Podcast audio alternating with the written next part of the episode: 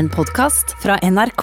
Urolog Sturla Pilskog jobber med det mannlige kjønnsorganet, både medisinsk og kirurgisk. Og som svarlege hos Klara Klok fikk han daglig spørsmål som er penisen min stor nok? For å svare på spørsmålene og for å bryte ned penismyter skrev Pilskog boka Penis. Resultatet var massiv salg og seksere på terningen. For selv om det er litt flaut, så er folk opptatt av underliv.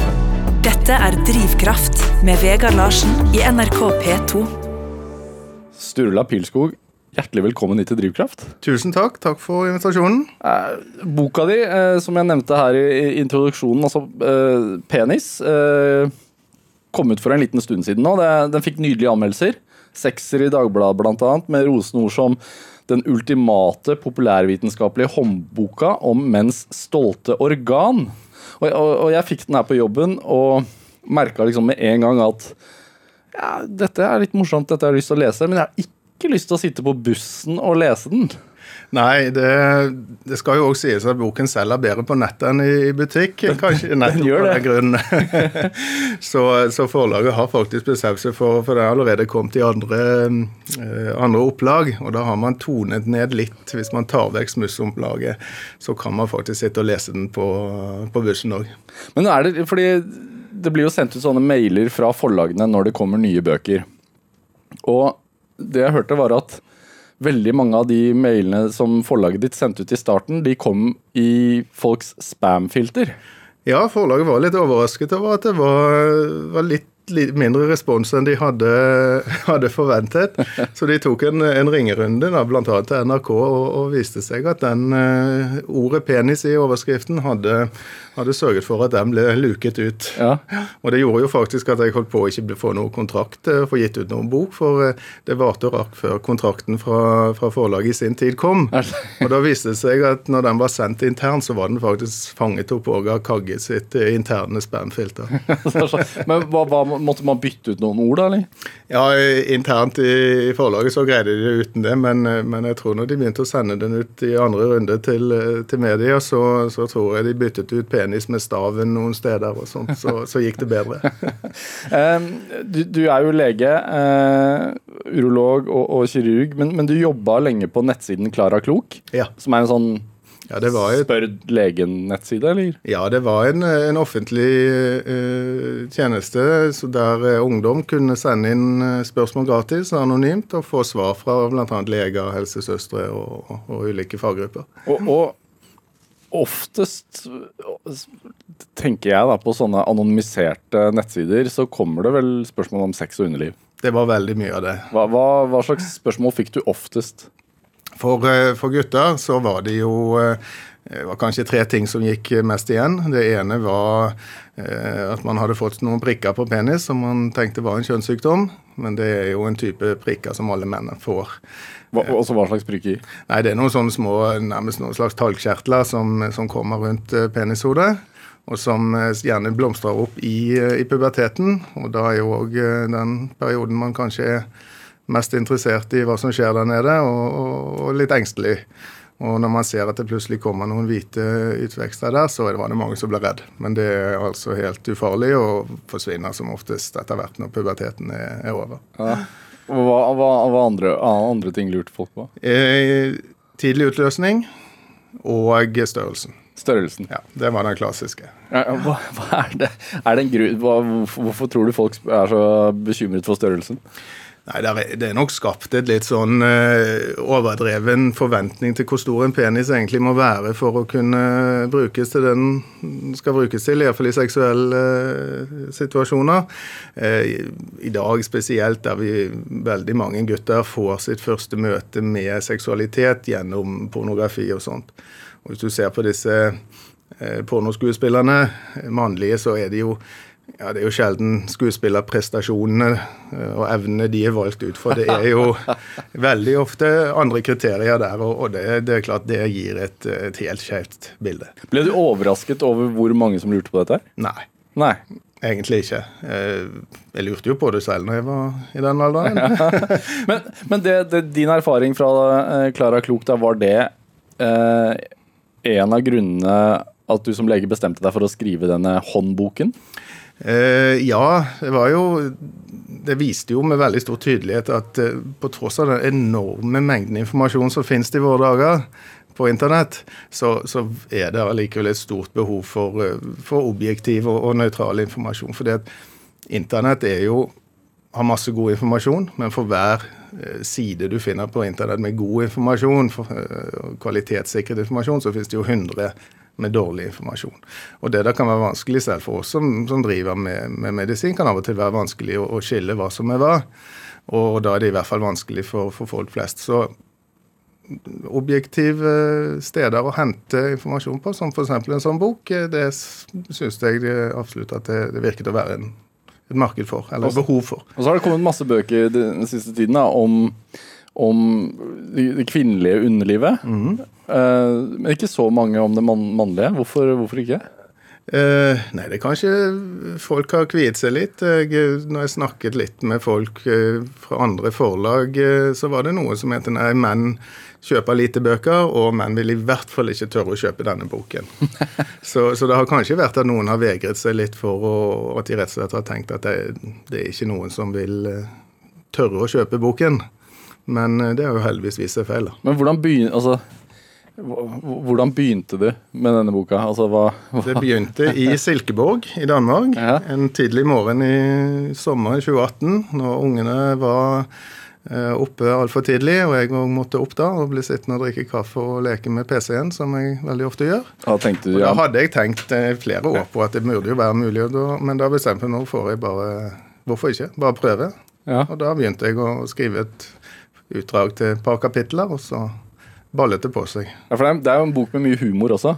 Jeg har prøvd å ha i hvert fall en ganske lett tone, ja. uten at det skal drøf, nei, drukne i bare flåsete vitser. Men, men jeg syns Jeg liker jo humor, da. Ja. Det er litt sånn underlivshumor. Eh, det er, det er, det er jo det er gøy av en grunn. Ja, si. det er det. Ja. Eh, jeg tenkte på det du sa med størrelse, at det er det som bekymrer flest ungdommer. Eh, er det, er det en ny ting? Eller har vi som mennesker alltid vært opptatt av størrelsen? Eh, ja, i moderne tid har vi nok det, men, og, og tidligere tid. Men, men faktisk, på, hvis man går riktig langt tilbake, så var det stikk motsatt. Eh, hvis man f.eks. går tilbake til det gamle Hellas, som, som jo startet vår sivilisasjon i, i manges øyne, så hvis man der ser på malerier, på, på freskoer og på statuer fra den tiden, så er det jo av menn, så ser man jo det I utgangspunktet så virker det som man sa det idealet er helt likt. Sant? De er høye, de er svulmende muskler. Men ser man på underlivet, så har de noen veldig små peniser. og det, det er jo veldig interessant, og det grunner i at de gamle grekerne så på dette Det viktigste for de var jo å være sivilisert, kultivert eh, og ha et høyverdig samfunn. Og da så de på det stikk motsatte. Det var gjerne en del sånne fabeldyr eller mytologiske dyr, som eh, satyrene spesielt, som var veldig overseksualiserte vesener, dumme, eh, onde og med svære erigerte peniser. Så det som å ha en liten penis, det ble da et tegn på at man var det stikk motsatte. Man hadde kontroll på sine dyriske drifter. så, så, det var et helt annet uh, syn på det. Når forandret idealet seg, da? Nei, det, det, vet jeg ikke. Det har nok gått ganske gradvis etter hvert som, som samfunnet kanskje er blitt litt mer seksualisert. Ja. Åpent seksualisert. Men er det sånn, altså Beroliger du noen av disse ungdommene med å si at det viser bare at du har uh, kontroll på livet. ja. ja. jeg bruker ikke de gamle grekernes argumentasjon, men, eh, men så, jeg fikk jo masse gutter som hadde målstørrelsen til, til 17 cm f.eks. og var redd for at det var altfor lite. Og når du vet at gjennomsnittet ligger rundt 13, så, så, er det klart at her har man helt feil eh, oppfatninger. Ha, har størrelsen også noe å si? Eh, Nei eh, Nei, generelt sett ikke. Da skal han være veldig veldig liten. Ja. Så Da må vi ned på det som kalles for mikropenis, som jo er en, en, eh, mer en sykdomstilstand. Eh, ellers så eh, kan man både formere seg og tilfredsstille partnere på, med, med penisstørrelser som er godt under det som er gjennomsnittet. Dette er Drivkraft med Vegard Larsen i NRK P2. Og i dag så har jeg urolog og forfatter Sturla Pilskog her hos meg. Altså urolog. Hvorfor hører man så mye om gynekolog og så lite om uro, uh, urologer? ja, det er et godt spørsmål. Vi, vi driver jo i den samme regionen, da, bare hos motsatt kjønn. Selv om det må jo sies at det er, en, det er litt feiloppfatning at vi bare driver med menn. da. Vi har eh, i hvert fall 30-40% av pasientene er, er kvinner. Og det er jo fordi vi, vi driver med urolog, en kirurgisk eh, spesialitet som har med alt som har med urinveien å gjøre. Og da har man med nyrer og, blære og alt sånt. Altså det er ikke bare penis? Det er ikke det. Er det eh, men, men hvordan, altså, hvordan er en, en, vanlig dag på jobben for en urolog? Altså Hvor mange pasienter har du? Du holder til på Bærum sykehus? Sant? Bærum sykehus, ja. Ja. Uh, ja. Det varierer veldig hvilken oppgave du har den dagen. Hvis, hvis jeg har en operasjonsdag, så er det jo Eh, kommer an på størrelsen på operasjonene, men to til fem operasjoner på en dag. Oi. Ja. Ja. Eh, er det en poliklinikkdag, så har du jo gjerne 16. Og har du vakt, så kan det jo være alt fra 5 til 20. Så, så, det varierer veldig. Det er en variert arbeidsdag. Men, men, men hvordan altså det en, Man må spesialisere seg? Man blir først lege, og så blir man urolog? eller? Ja. Det, først blir man lege, så det, tar man jo da en, eh, en, kirurgisk spesialisering. Frem til ganske nylig så måtte du først bli det som, som kalles for, for generell kirurg. Altså du skal ha vært gjennom et stort register av forskjellige typer kirurgi og, og kunne kunne operere de mest vanlige tilstandene innenfor mage-tarm, eh, blod, blodårer og alt sånt. Eh, og så, etter du har jobbet med det en stund, så velger man det som kalles en subspesialitet innenfor kirurgien. Og da har du f.eks. mage-tarmkirurgi, eh, hjertekirurgi og urologi. Men Var det målet ditt hele veien å bli urolog? Nei. Nei? hva, hva, hva ja, Det spørs hvor langt tilbake du går. Målet mitt var jo ikke å bli lege i det hele tatt. Jeg skulle jo uh, bli journalist eller skulle sitte der som du sitter, jeg. og, uh, og drev med politikk og mye annet. Så, så, jeg hadde jo ingen realfag eller noe jeg fra, fra skolen i sin tid. Nei. Eh, så begynte jeg å jobbe som portør på Haukeland sykehus i sin tid, og fant jo ut at dette miljøet her, det, det virka spennende. Og da slo jeg inn på den veien. Når det gjaldt hvorfor jeg etterpå endte som urolog, så, så er jo det For veldig mange leger, leger, så vil det vise seg at det er litt tilfeldig. Eh, for man får sjelden drømmejobben med en gang man er ferdig. Og selv om man får drømmejobben, så kan det vise seg at det ikke var så, så bra som du ville. Så det er jeg fikk først jobb, jobbet jeg med ortopedi, altså beinbrudd og den type ting. Og så fikk jeg en telefon om jeg kunne tenke meg å begynne å jobbe på Haukeland med sånn mer generell kirurgi. Og det virket spennende, så da hoppet jeg over der. Og skulle bli mage-tarmkirurg, trodde jeg. Jeg tror de fleste som begynner med kirurgi. Ok, Hvorfor det? Nei, det er, det er der du har eh, kanskje den sånn, de største operasjonene og mest akutte og sånn, så det kan virke litt spennende. Og det er det jo, for all del. Men så må vi da rotere mellom forskjellige avdelinger, og da roterte jeg innom urologen. Og det var jo kjempespennende. Altså Er det i legemiljøet og kirurgmiljøet er det et hierarki? Er det sånn at én kroppsdel er liksom høyere ansett enn en annen? Det er sikkert noen som vil svare ja på det. Men uh, Er det liksom hjernekirurgen er øverst? Altså det er ikke nei, sånn? Nei, ikke på noe, nei. Innad i, i legemiljøet så er det, er det, ikke det. Nei. Det, der er det ganske likestilt. Men, men altså, yrket ditt uh, Leonardo da Vinci. Ja. Hvor viktig er han for yrket ditt? ja, han, uh, han, var i hvert fall veldig viktig i sin tid. Ja. For Eh, utrolig nok så er det ganske nylig vi fant ut eh, hva som gjør at penis reiser seg. Eh, og frem til Ganske nylig? Er det... Ja, altså, det er jo relativt sagt, da. Men, men var, i mange tusen år så trodde man det var luft. Luft? Ja, En blanding av luft og et sånn slags trinsesystem der penis hang sammen med testiklene, og, og et samarbeid der gjorde at penis reiste seg. Eh, til og med var det noen som mente at, eh, at testiklene hang sammen med, med stemmebåndet, og det var det at de falt dypere i pungen som gjorde at menn kom i stemmeskiftet.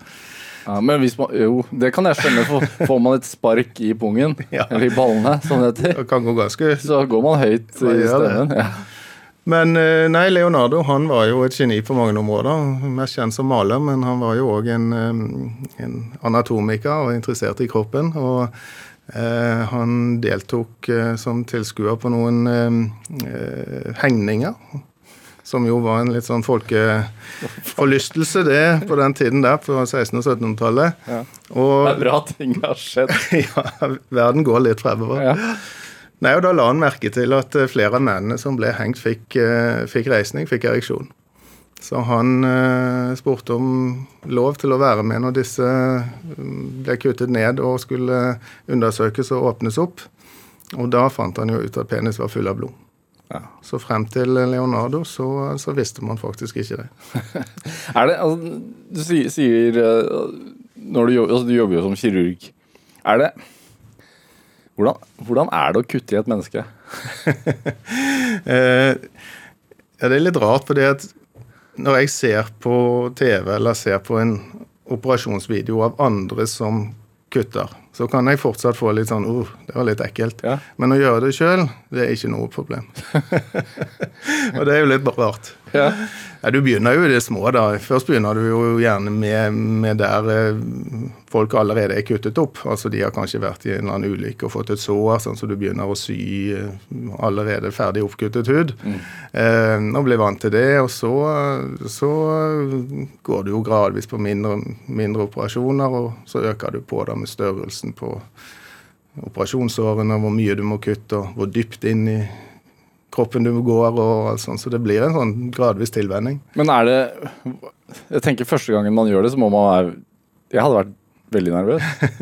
Ja, eh, og, det, og nervøs var man, er man, men heldigvis er det jo et veldig sånn Legeyrket er jo et veldig teoretisk yrke, men akkurat når det gjelder kirurgi, så er det litt sånn gammel Mester Sven-system. sånn At du, du, står jo alltid de første årene med, med veldig erfarne kollegaer. da. Sånn at eh, du, det er litt sånn med på, påholden skalpell i, i begynnelsen, og så gradvis får du gjøre mer og mer når du viser at du, du behersker det. Hva var det første operasjonen du gjorde? Ja, ja, det tror jeg må ha vært Det var vel mens jeg drev med, med ortopedi. Så den første sånn operasjonen jeg gjorde mer eller mindre helt alene, det var en skeiv storetå. Ok, det er et relativt trygt område. Eh, ble den rett? Ja, den ble ganske fin, altså. Ja. Ja. Pasienten var godt fornøyd. Ser man, Er man litt sånn kunstner da? Ser man på verket sitt etterpå og tenker sånn Ja, bra.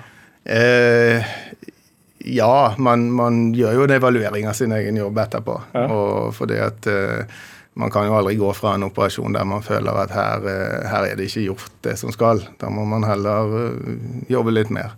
Så, men, men sånn direkte estetisk at dette så, så veldig vakkert ut, det gjør man kanskje ikke så mye. Eneste gangen var en gang jeg skulle operere en, en kvinne i, i ryggen for et prolaps. Og hun hadde en utrolig vakker tatovering over hele ryggtalen, som hun var veldig, veldig glad for. Og der måtte jo jeg kutte tvers igjennom. Så der hadde jeg lovt på tro her at jeg skulle sy så vakkert som jeg bare kunne etterpå. Så der brukte jeg litt tid etterpå på å sjekke helt sikkert at jeg hadde gjort det så godt jeg kunne. Ja. Jeg hørte et foredrag med en lege en gang som snakket om eh, det å, altså altså at det ikke alltid var nødvendig egentlig kanskje å, å utføre en operasjon, men at man som lege så liksom at denne operasjonen er så spennende, så den har jeg lyst til å gjennomføre. Uh, ja, jeg velger jo å tro at man aldri opererer sånn helt uten grunn, men, men det er klart, når, spesielt når man er ganske ny og har veldig lyst til å operere mye for, for å bli god, så, så kan man jo dra, dra det litt sånn at hvis du kan det står 50-50, så velger du gjerne operasjon, da.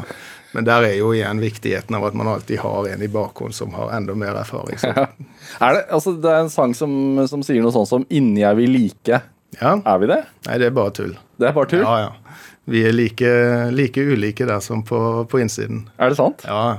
Al- Altså, altså hvor- hvor- hvordan skiller altså, Man går jo med en oppfatning, fordi man har jo sett tegninger og, av kroppen innvendig. ja. Men det ser ikke sånn ut på alle. Nei, altså sånn i det store trekk så ligger jo stort sett magesekken noenlunde på samme sted, og blæren på samme sted, og penis henger nå verden som Henger. oftest henger. Og, men, men hvis du går litt under, under huden der, så har du jo nerver og, og blodårer og, og annet vev som, som aldri er likt. Altså, en blodåre kan gå to helt vidt forskjellige steder. Ganske store blodårer. Så det, eh, det, er, det er alltid litt sånn som å åpne en- når man åpner opp et menneske, så, så er det litt som en sånn julegave. Du vet aldri helt hva du får, da. Så du må, må ta det gradvis og forsiktig. Er det sant? Det er helt, helt nytt for meg. Men, men altså det er Uansett Hvis man Det er jo blod. Og det er jo som du sier, du vet ikke hva som venter deg. Det er mye greier Ja. inni der.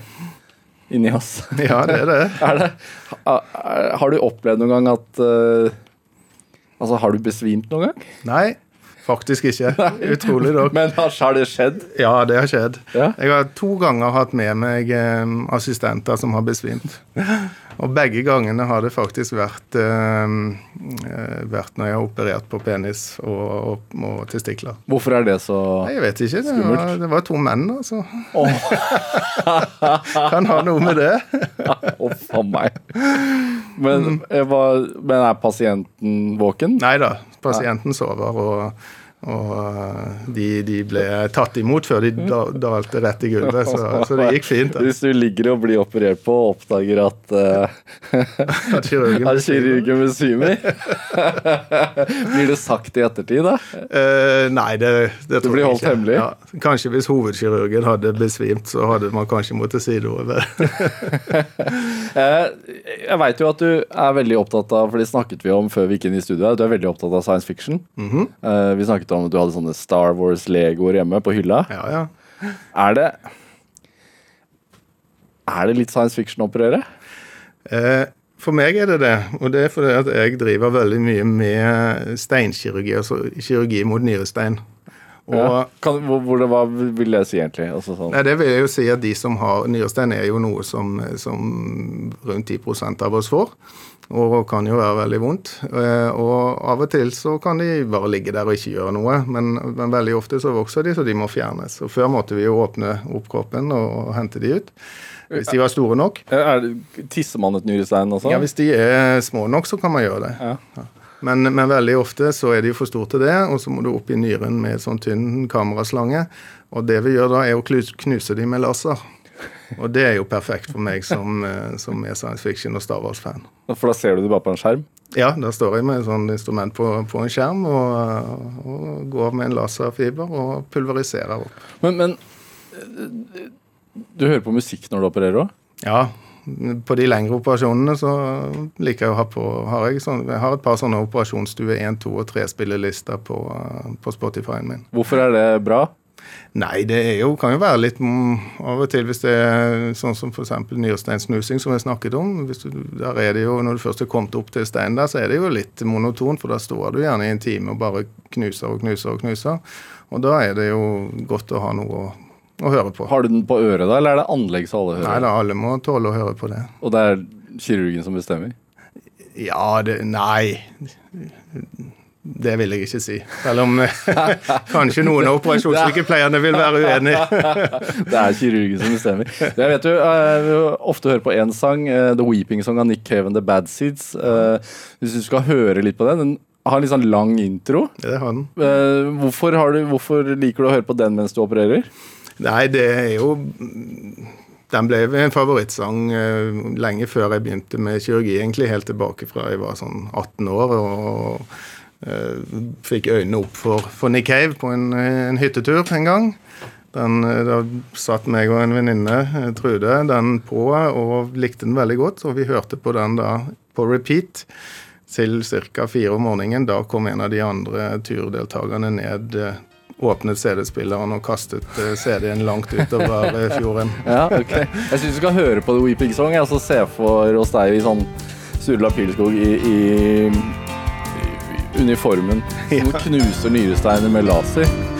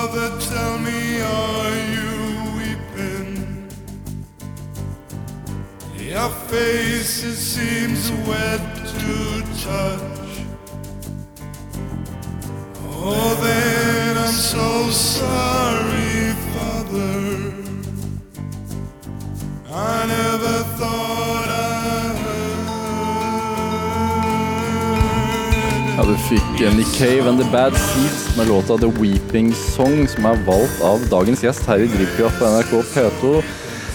Nemlig Sturla Pilskog. Eh, Han er urolog og forfatter, og hører på Nick Cave også mens han opererer som kirurg. Altså du, Sturla, du nevnte at du hadde noen sånne spillelister. Ja. Hva annet er på de listene? Mye Beatles. Mye Beatles? Ja. ja. mye Leonard Cohen. Eh, litt The Pogues. Eh, ja, det er vel stort sett så slenger jeg på en eller annen litt, litt nyere òg, da. Liksom Royals med Lords må selvfølgelig med. Men er det hen, altså Det er en del av det, altså, The Weeping Song er en dyster låt, da. ja, det er det. så, uh, men eh, akkurat Det er så mange gode minner med den sangen at Ja. den blir allikevel uh, lystig. Ja. Er, det, er det musikk du Altså noe som liksom aldri kunne blitt spilt, tenker du? Eh, ja, altså De som jeg opererer med, operasjonssykepleiere og anestesileger, er er jo stort sett fornøyd med min spilleliste, for den er ganske allmenn. Men jeg hadde jo en, eh, en kollega på Haukeland som insisterte på kun å spille hard progrock. og han fikk etter hvert eh, Der satt i det foten, og han fikk da en kvote på to sanger. Per, eh, per, operasjon. Per Det var maks. Så det er klart, eh, jeg ville aldri kunne sittet og hørt på hard eh, heavy metal eller prog-rock eller trans trance eller noe sånt. Det, det tror jeg ville gått dårlig. Men hvor vanlig er dette her? At eh, kirurger har Altså at man bruker musikk på operasjonsstua? Ja, det, det er ganske vanlig, men eh, ja, kanskje 50-50. Noen foretrekker å ha det så, så stille som overhodet mulig, og, og det gjør jeg. Og hvis det er operasjoner som kanskje er ekstra, ekstra vanskelig, eller det er noen komplikasjoner eller noe slikt, da, da er det jo mer stillhet som, som gjelder. Men, men generelt sett så, så liker jeg å ha for Litt lyd. Er man, også, man hører jo hele tiden om sånn automatisering i samfunnet og roboter som tar over, og at man bruker mer roboter også i operasjoner og sånn. Er man som kirurg er man redd for det? Uh, nei. I urologi så urologi var jo en av de uh, feltene der vi begynte tidligst med det. Uh, der er det jo en robot som, som heter Da Vinci-roboten, faktisk. Den heter det? Ja. Uh, som brukes til og begynte med å bli brukt til å operere prostatakreft. Den brukes nå òg til andre ting, blærekreft og en del nyre, nyrekreft og sånt. Og også eh, tarmkreft og gynekologiske kreft er den kommet inn. Men og den er jo Der er det liksom sånne åtte robot eller fire til åtte robotarmer som stikker inn i kroppen, men det styres jo fortsatt av en kirurg, bare at kirurgen da sitter bak en, ved siden av pasienten på en, en konsoll og, og styrer disse instrumentene. Er, er folk mer skeptiske til å bli operert med, med robotarmer, eller? Nei, det viser seg at uh, folk uh, flest uh, tenker at alt som er nytt, er bra. Så det går stort sett spesielt hvis du nevner noe at noen skal opereres med robot. det Av en eller annen grunn så er det veldig tillitsvekkende blant folk. Så, så det, det har jeg ikke merket. Nei. Er det Altså, du er jo her eh, hovedsakelig i dag fordi at du, har, du er forfatter. Du har skrevet eh, en bok om eh, penisen, eh, det mannlige kjønnsorganet. Eh, hva, hva, er, hva er de vanligste underlivsplagene for menn i, i Norge? Det kommer litt an på alders, aldersgruppen, da. Vi jobber jo veldig mye med si, den siste halvdel av aldersgruppen, den fra, fra 50 oppover. Det er jo en veldig stor, stor gruppe som vi jobber med. Eh, og da er det jo vannlatningsplager og ereksjonsproblemer som, som gjerne går, eh, går igjen. Eh, mens de yngre aldersgruppene så kan det være Da er det jo igjen dette med størrelsen, og folk er engstelige for kjønnssykdommer eh, og problemer med testiklene og, slike ting. Så det, det varierer, veldig variert eh, pasientgruppe, da. Ja, ereksjonsproblemer, og så nevner det- I boka di så, så skriver du at årsaken til dette er spesielt frastøtende kvinner. Ja, det mente man i hvert fall i, for, eh, for vel 2000 år siden i, i India. Så var det en, eh, en av de eh, hypotesene var så at hvis man hadde hatt sex med en, en kvinne som ble oppfattet som spesielt frastøtende, så ville det føre til at du seinere ikke greide å få den opp. Vi har, gått, vi har vel gått litt vekk fra den teorien der. Men det, hvordan har man forsøkt å behandle dette problemet opp igjennom? Ja, det er mye rart. Det har jo vært alt fra eh, kvikksølv til eh, arsenikk. Og ja da, kvikksølv har vært veldig populært på mange ting eh, i medisinen opp gjennom årene. Både mot kjønnssykdommer og ereksjonsproblemer og kreft og, og sånt. Helt til man fant ut at det var ikke så lurt. Altså spise det? Ja, smøre på, eller spise det, eller injisere det. Og Det, det er òg noe vi har gått litt vekk fra. Ja. Men eh, ereksjonsproblemer, da, siden det rammer en del, hva, hva er den vanligste årsaken til det? Vet man det? Ja, det er jo også, eh, Man deler det jo inn i to hovedgrupper. En, eh, en hva skal vi si, organisk gruppe og en psykogen gruppe. Og jo eldre man blir, jo oftere er det jo at det ligger en eller annen sykdom eller en eller annen tilstand bak. Og da er det jo eh, ofte de som går på, på, på blodsirkulasjon. Det er jo, og Derfor er det veldig viktig å, å få undersøkt hvis man opplever at ereksjonen svikter over lengre tid når man har rundet f.eks. 50 år. Så er det lurt å få sjekket hos lege, for det kan være faktisk et forvarsel om mer alvorlig sykdom som hjerteinfarkt og hjerneslag. Og det er fordi at som vi konkluderte med tidligere, eh, takket være Leonardo, så er det blod som fyller penis. Og, og disse tingene som gir hjerteinfarkt og sånt med tiden, er jo ofte det at de mindre blodårene blir stive og trange pga. Av avleiringer av fett og slike ting. Eh, Og Det er akkurat samme mekanisme som er i hjertet og hjernen ved hjerneslag. Men siden blodårene i penis er mindre, så kommer symptomene ofte der først. Så det er som andre helseplager, altså det er usunn livsstil og Ja, mye det- sittestilling kan Ja, være grunnen. absolutt uh, Usunn livsstil er nok den store eh, en av de store årsakene. Og så har du jo sykdommer som diabetes, f.eks., som jo er en veldig, det er en veldig stor prosentandel av menn som har en, eh, en, en diabetes, vil få ereksjonsproblemer. Ja. Hvor, hvor mye henger sammen med det psykiske?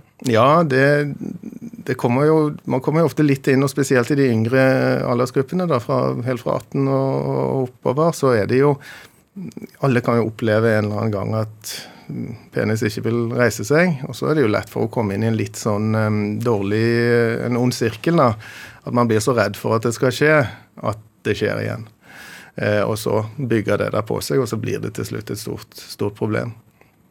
Eh, men også i de yngre gruppene så, så kan det jo ligge ting bak hormonproblemer eller problemer med blodsirkulasjon og sånn. Så det er jo greit å, å ta en prat. I våre dager nå fra nyttår av så får man, er det jo mulig å kjøpe Viagra f.eks. uten resept. Og det kan man jo synes både det ene og det andre om. Det, Hva syns du om det?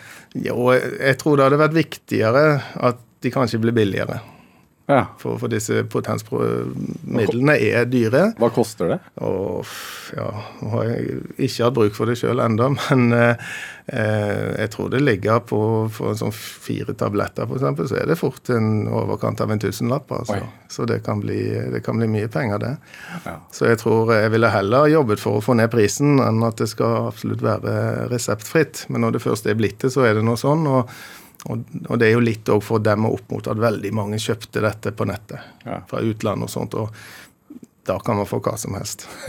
da har man ikke den kvalitetssikringen som, som vi har i Norge. Eh, Et annet seriøst problem som du skriver om i boka di, er testikkelkreft. Eh, er- Det er den mest utbredte kreftformen for menn? Nei, den vanligste kreftformen hos menn er prostata. Det er prostata. Ja. Men- Samme men- område, da. Ja, men det er den vanligste kreftformen hos unge menn, sånn opp til 35. For det er en krefttype som rammer ganske unge menn helt ned i tenårene. Ehm, og var en forferdelig krefttype frem til 60- og 70-tallet, der de aller fleste døde. Mm, Hva har skjedd? Nei, da begynte de å ikke forske på, på testikkelkreft spesifikt, men på behandling av kreftceller generelt sett med strøm. Eh, og så viste det seg at det virket ikke. Så man holdt, skulle akkurat til å legge ned hele prosjektet, egentlig.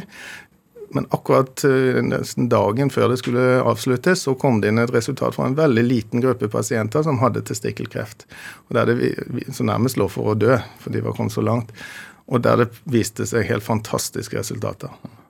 Og, og da viste det seg senere at det var ikke strømbehandlingen i seg selv, men det var et, eh, et stoff som ble skilt ut av disse elektrodene som laget strømmen, som var det effektive, som het cisplatin. Ja. Og da over natten så gikk testikkelkreft fra å være en ekstremt dødelig krefttype til å kunne kureres i godt over 95 av tilfellene. Det var en revolusjon. Men er det, er det også en av grunnene til at du har skrevet denne boka? Å få, få unge menn i større grad til å sjekke seg sjøl?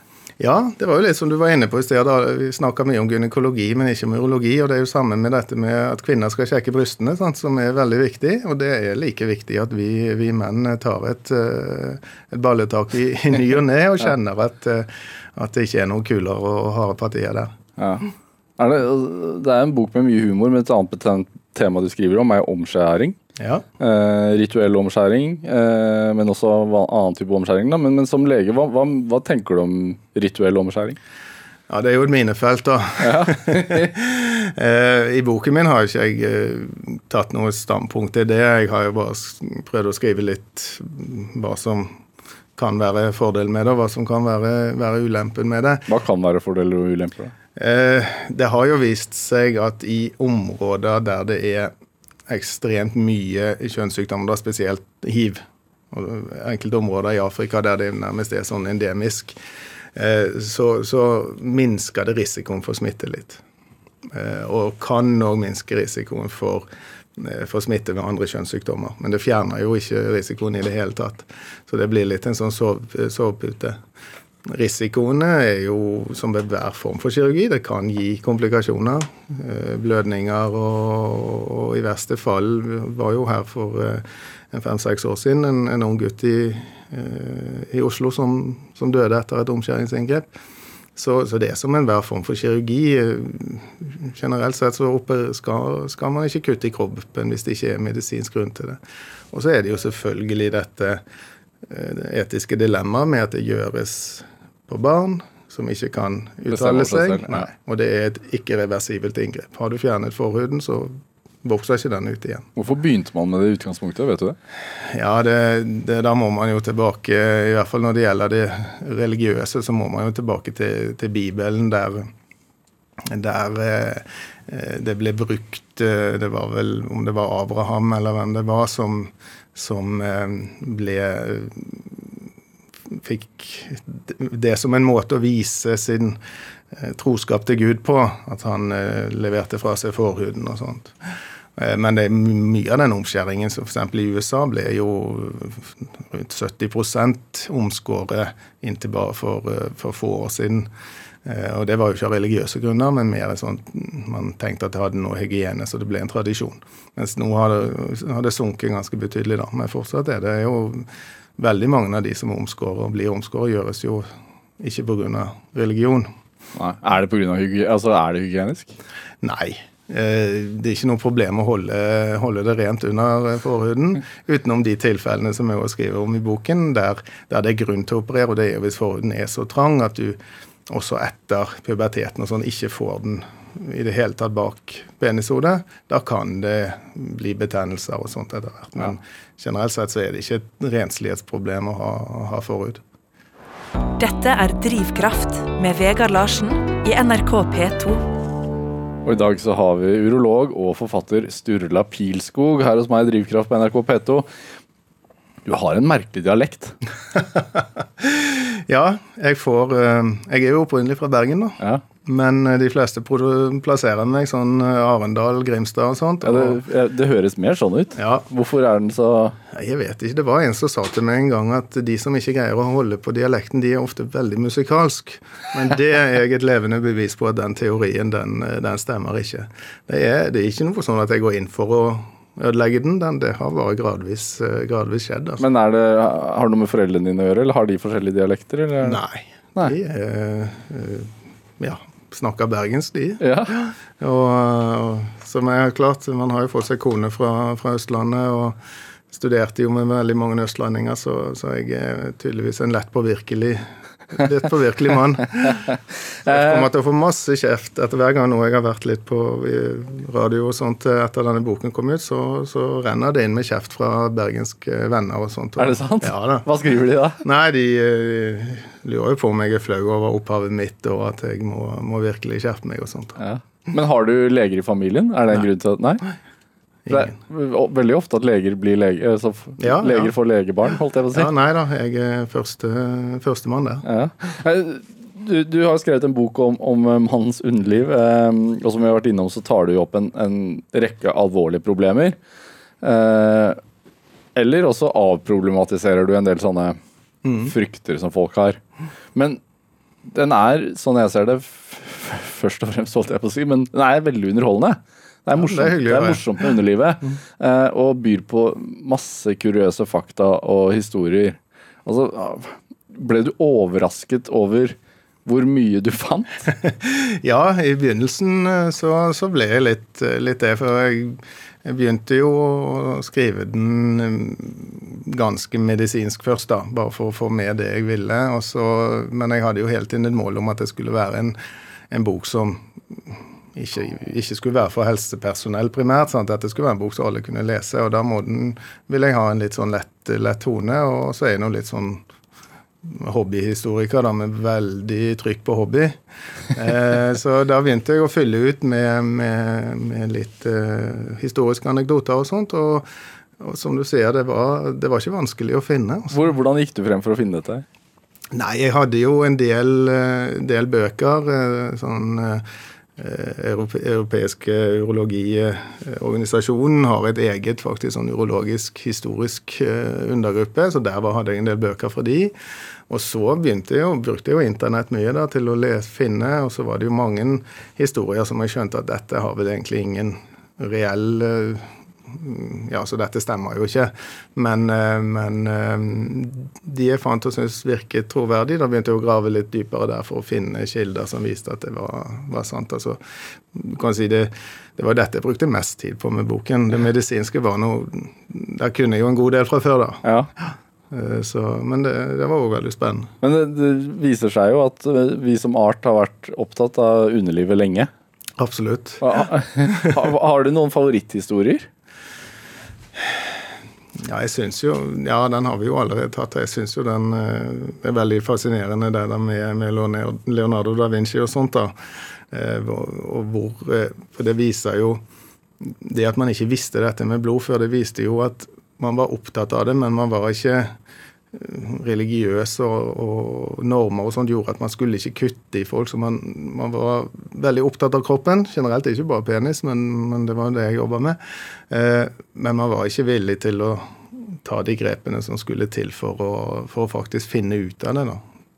Så det er litt dette som er mest fascinerende, da, hvordan penis har, eh, har eh, spilt en rolle som et fertilitetssymbol. og Det er mye, ja, så er det mye, og det er det jo. eh, For jeg har studert sosialantropologi, og jeg vet jo at i enkelte stammesamfunn i verden i dag eh, så, så blir jo også sånn som eh, sæd og sånn sett på som eh, fruktbart, ikke bare for å lage barn, men også for jorda og ja. Det er sånn overgangsriter og sånne ting. Også.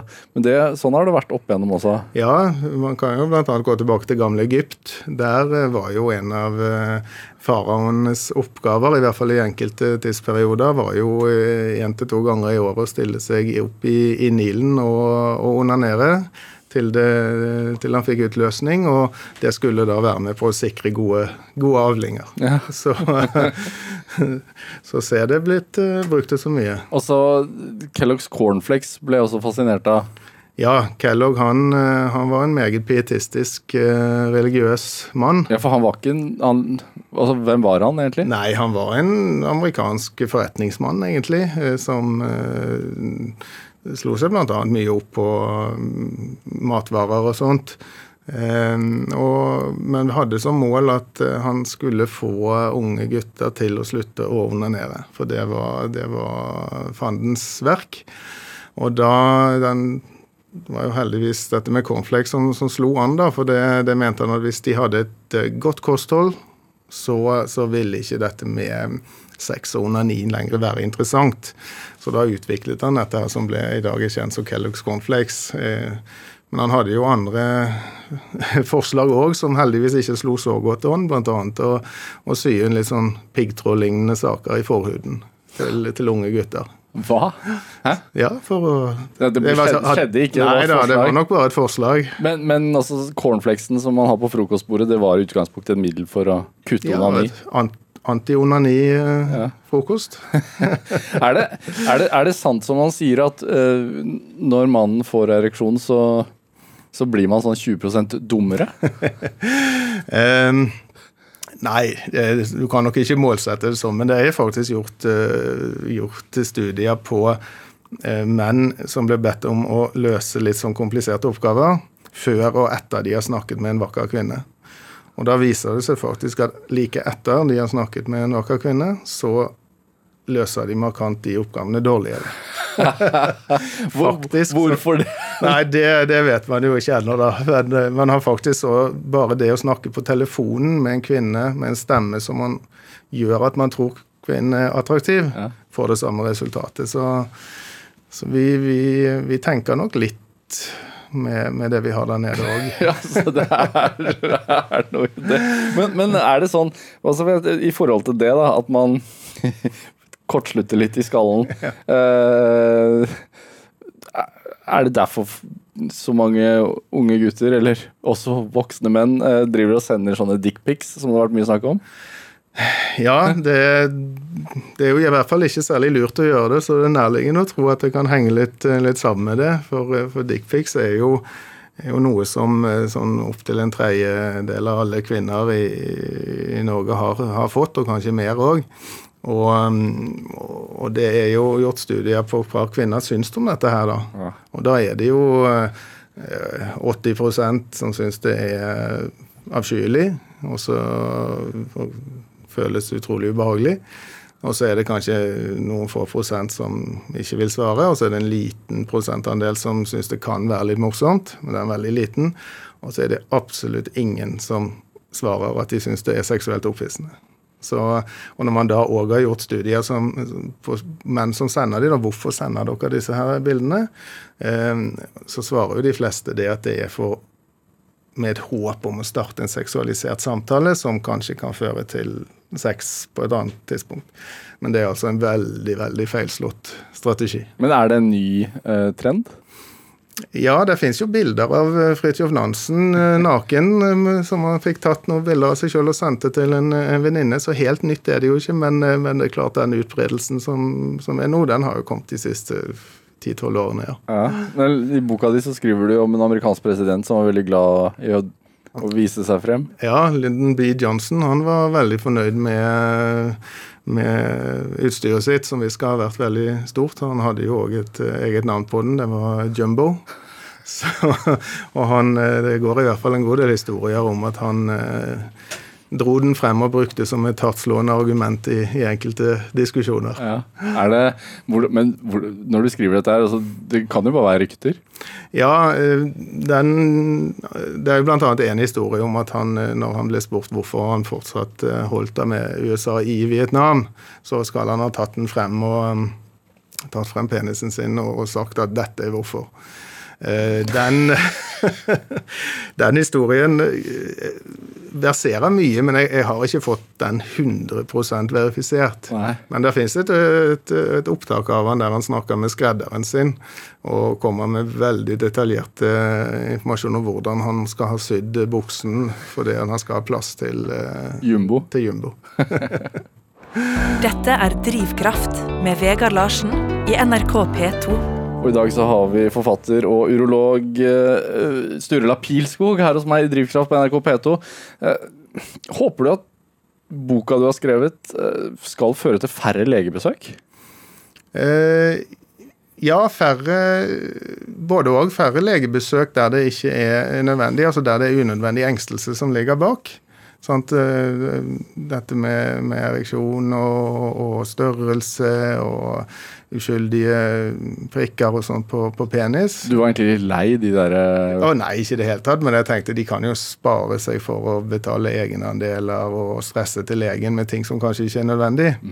Men samtidig vil jeg jo gjerne ha kanskje økt eh, andel legebesøk når det gjelder andre ting, som f.eks. hvis man kjenner en kul på testikkelen, eller hvis man har, har rundet 50 og har et langvarig ereksjonsproblem, så at man faktisk får sjekket seg. eh, sjekket seg. Og så er det jo F.eks. dette som vi var inne på um, med hvilke pasienter vi har. Så vi har veldig mange eh, eldre menn, eller ikke nødvendigvis så gamle heller, men fra 50 og opp, som har vannlatningsplager.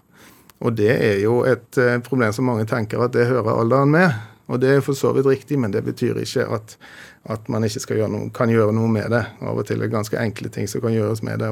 At man tisser for ofte eller for ja, sjelden? når man tisser for ofte, man må hele tiden opp mange ganger om natten. Man Ja. får ikke tømt blæren skikkelig. eh, Man, man greier ikke å holde seg, sånn at når man først må, så må man. Jeg jo, har jo hatt pasienter, bl.a. en som kom, fortalte meg at han nettopp hadde vært i London og hadde med kartet over den over London, da, det området han hadde vært i, og der han på forhånd hadde gjort research på, på nettet og tegnet inn samtlige offentlige toaletter. Sånn at han hele tiden ville vite hvor det nærmeste toalettet var. A Og det er klart, Da, blir, da griper det mye inn i livskvaliteten. Ja. Og, og hvis man da kan få hjelp med relativt enkle midler, så er det dumt å bare gå og fordi man ikke vil ha denne berømte fingeren vår oppi, Ja. opp der bak, f.eks., som, som jo vi kanskje er mest berømt for. Ja.